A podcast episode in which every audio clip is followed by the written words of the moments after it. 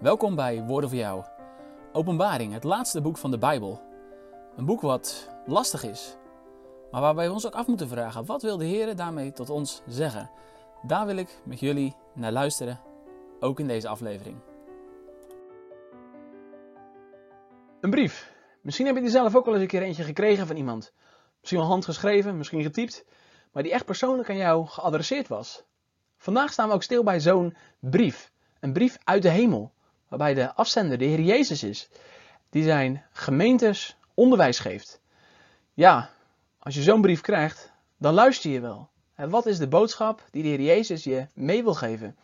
Ik heb deze aflevering ook genoemd Brief uit de Hemel aan de kerk in Nederland. Ik denk dat de boodschap van deze brief ook heel erg van toepassing is op de situatie van de kerk in Nederland. Maar laten we eerst het eerste stukje van de brief gaan lezen. Schrijf aan de engel van de gemeente van Efeze. Dit zegt hij die de zeven sterren in zijn rechterhand houdt, die in het midden van de zeven gouden kandelaren wandelt. Ik weet uw werken, en uw arbeid, en uw leidzaamheid, en dat u de kwade niet kunt verdragen, en dat u beproefd hebt degene die uitgeven dat zij apostelen zijn, en ze zijn het niet, en hebt ze leugenaars bevonden. En u hebt verdragen, en u hebt geduld, en u hebt omwille van mijn naam gearbeid, en u bent niet moe geworden. Ja, de brief is gericht aan de engel van de gemeente van Efeze. Sommige uitleggers denken dat de engel slaat op de ja, engel die de gemeente beschermt. Dat zou kunnen, maar het is niet heel waarschijnlijk. Het woord engel betekent eigenlijk gewoon boodschapper. En daar zou dan de plaatselijke bisschop of de, zoals in de protestantse kerken zeggen, de dominee mee uh, bedoeld worden. Die zorg draagt voor de gemeente. En uh, ja, er staan ook vermaningen in de brief, dus dat maakt ook wel waarschijnlijk dat het echt gericht is aan degene die leiding geeft aan de gemeente. En hij krijgt als als eerste de boodschap van de Heer Jezus, maar die ook gericht is aan heel de gemeente, die boodschap. En het is de gemeente van Efeze. Nou, waarom Efeze als eerste? Efeze was in de tijd van de Bijbel een hele grote, belangrijke havenstad. Uh, en ja, was in die zin ook de moedergemeente van alle andere kerken in, die, uh, in dat gebied, het huidige Turkije. Ja, dan wordt er gesproken over degene die de zeven sterren in zijn rechterhand houdt en die wandelt in het midden van de zeven gouden kandelaren. dat roept weer het beeld op uit het eerste hoofdstuk, waarin Johannes de Heer Jezus ziet in al zijn heerlijkheid en zijn majesteit. Waarbij hij inderdaad wandelt in het midden van de zeven kandelaren, de zeven gemeentes. Waarbij hij ook de zeven uh, sterren in zijn hand houdt. En dat verwijst naar de zeven uh, engelen van de gemeente. De zeven leiders, de dominees van de gemeentes. En dan wordt er gezegd dat hij weet wat hun werken zijn en wat hun arbeid is. Ja, dat is ook logisch. Als hij wandelt in het midden van die zeven kandelaren, als hij wandelt in het midden van die zeven gemeentes, dan weet hij ook wat ze doen. En uh, ja, dat staat ook wel in een bepaald licht, die werken. Want als je verderop kijkt, helemaal aan het einde van het boek Openbaring, dan wordt er ook gezegd: Ik kom haastig en mijn loon is met mij om een iegelijk te vergelden zoals zijn werk zal zijn.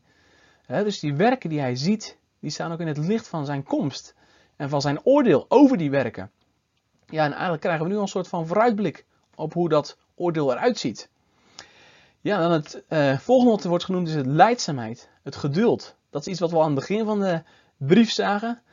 Johannes noemt zichzelf de medegenoot in de verdrukking en in het koninkrijk en in de leidzaamheid van Jezus Christus. Het geduld, de volharding. Dus deze gemeente die heeft gewerkt gewerkt in ja, de zaak van het koninkrijk. Ze hebben daarbij ook onderscheid aangebracht. Ze hebben gekeken er waren mensen die zeiden dat ze apostelen waren, dat ze gezondenen van de Heer waren, maar ze waren het helemaal niet. En die mensen hebben ze ontmaskerd. En dat wordt ook geprezen in hen. Dat is ook goed dat ze dat gedaan hebben. Ze hebben ook veel verdragen, veel meegemaakt. Ehm, ja, en dat allemaal omwille van de naam van de Heer Jezus. Dus ze hebben hard gewerkt, ijverig geweest. Ze hebben volhard, ze hebben volgehouden, ze zijn niet moe geworden. Allemaal de naam van de Heer Jezus. Maar, dat komt in het volgende gedeelte.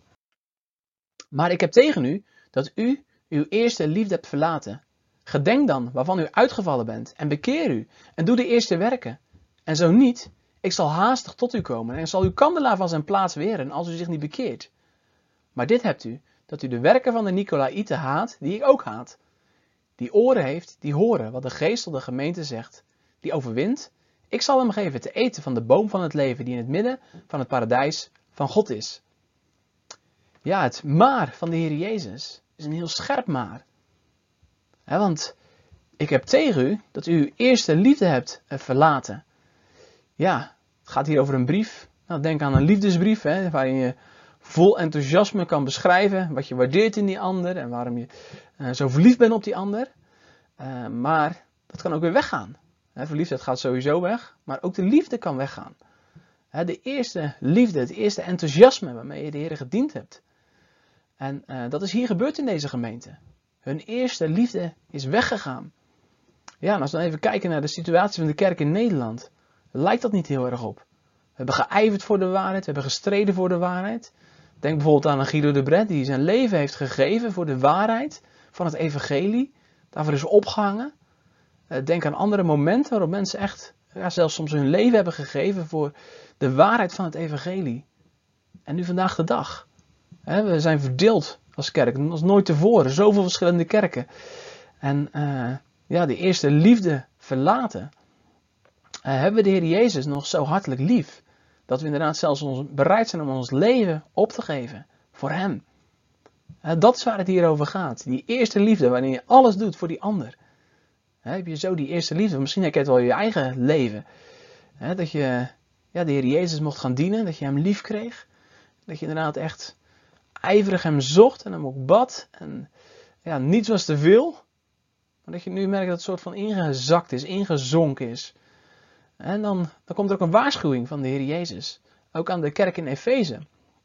En hij roept ze ook op om eh, te gedenken, om terug te denken aan ja, welke, eh, letterlijk eigenlijk van welke hoogte ze gevallen zijn. Ze hebben hem zo vurig lief gehad, maar het is nu zo ingezakt allemaal. En dan, dan roept hij ook om, om zich te bekeren, om om te keren om weer naar hem terug te gaan. Denk nog even aan een relatie. Als een man en vrouw uh, ja, problemen hebben of uit elkaar gegroeid zijn, wat voor reden dan ook, dan moet je soms inderdaad echt weer omkeren, naar de ander toekeren. Zich bekeren, zegt Heer Jezus. Um, want anders, als dat niet gebeurt, dan zal hij haastig komen. De Heer Jezus zal uh, komen en dan zal hij de kandelaar van zijn plaats ook uh, weren. En ja, die kandelaar, uh, denk nog even aan vers 20 van hoofdstuk 1. De zeven kandelaren zijn de zeven gemeenten. dus als de kandelaar geweerd wordt, dan zal de gemeente ophouden te bestaan. In het geval van de gemeente van Efeze is dat ook uh, gebeurd. Vandaag de dag zijn er alleen nog maar ruïnes over. De stad is uh, minder geworden, maar ook de, de kerken. Er zijn alleen nog maar resten van over. Dus die waarschuwing van de Heer Jezus die is wel heel reëel geweest voor deze gemeente. En ik denk dat we ook als kerk in Nederland heel goed moeten luisteren naar wat de Heer Jezus hier zegt. Dat we weer terug moeten keren naar de liefde voor Hem en het vurig dienen van Hem.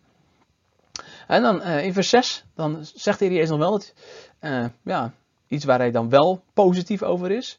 Hè, dat ze de werken van de Nicolaïten haten. Later komen die werken van de Nicolaïten nog uh, wat meer terug, wordt nog wat nader omschreven, want het is niet helemaal precies duidelijk welke groep dat nou precies geweest is. Waarschijnlijk was dat een groep gecentreerd rond een bepaalde persoon die inderdaad het eten van afgodenvlees ja, wel goedkeurde. Um, en eigenlijk daar niet zo'n ja, probleem van maakte. Terwijl juist in die tijd het eten van afgodenvlees heel erg een symbool was eigenlijk van het verlaten van de liefde van de Heer. Eigenlijk een soort van geestelijke hoererij zou je kunnen zeggen. Met een andere vandoor gaan. En dat haatte Heer Jezus. Die werken van de Nicolaïten. Dat vond ik wel een opvallend detail. Dat gaat hier over het haten van de werken van de Nicolaïten. Als je bepaalde zonden van mensen noemt, betekent niet dat je die mensen zelf haat. Integendeel, juist als je ze erop wijst, dan heb je het beste op het oog. En ik denk ook dat dat is wat de Heer Jezus hier laat zien. Dus je mag de werken van iemand wel haten, wat hij doet als dat verkeerd is, dan mag je dat haten. Maar dat betekent niet dat je de persoon haat. Maar dat zou ook aan de andere kant verkeerd zijn als iemand verkeerde dingen doet en je zou dat niet eh, benoemen. Ja, en dan tot slot, de afsluiting bij elke brief. Die oren heeft, die horen wat de geest op de gemeente zegt. Die overwint, ik zal hem geven te eten van de boom van het leven, die in het midden van het paradijs van God is. Ja, het sluit me een hele hoopvolle boodschap af. Hè, want de Heer Jezus stuurt deze boodschap niet voor niks. Als je naar hem luistert, als de kerk in Nederland luistert, dan is er hoop. Dan is er inderdaad een overwinning. Um, en dan zul je ook eten van de boom van het leven. Die komt ook um, aan het einde van het boek Openbaring weer uh, terug.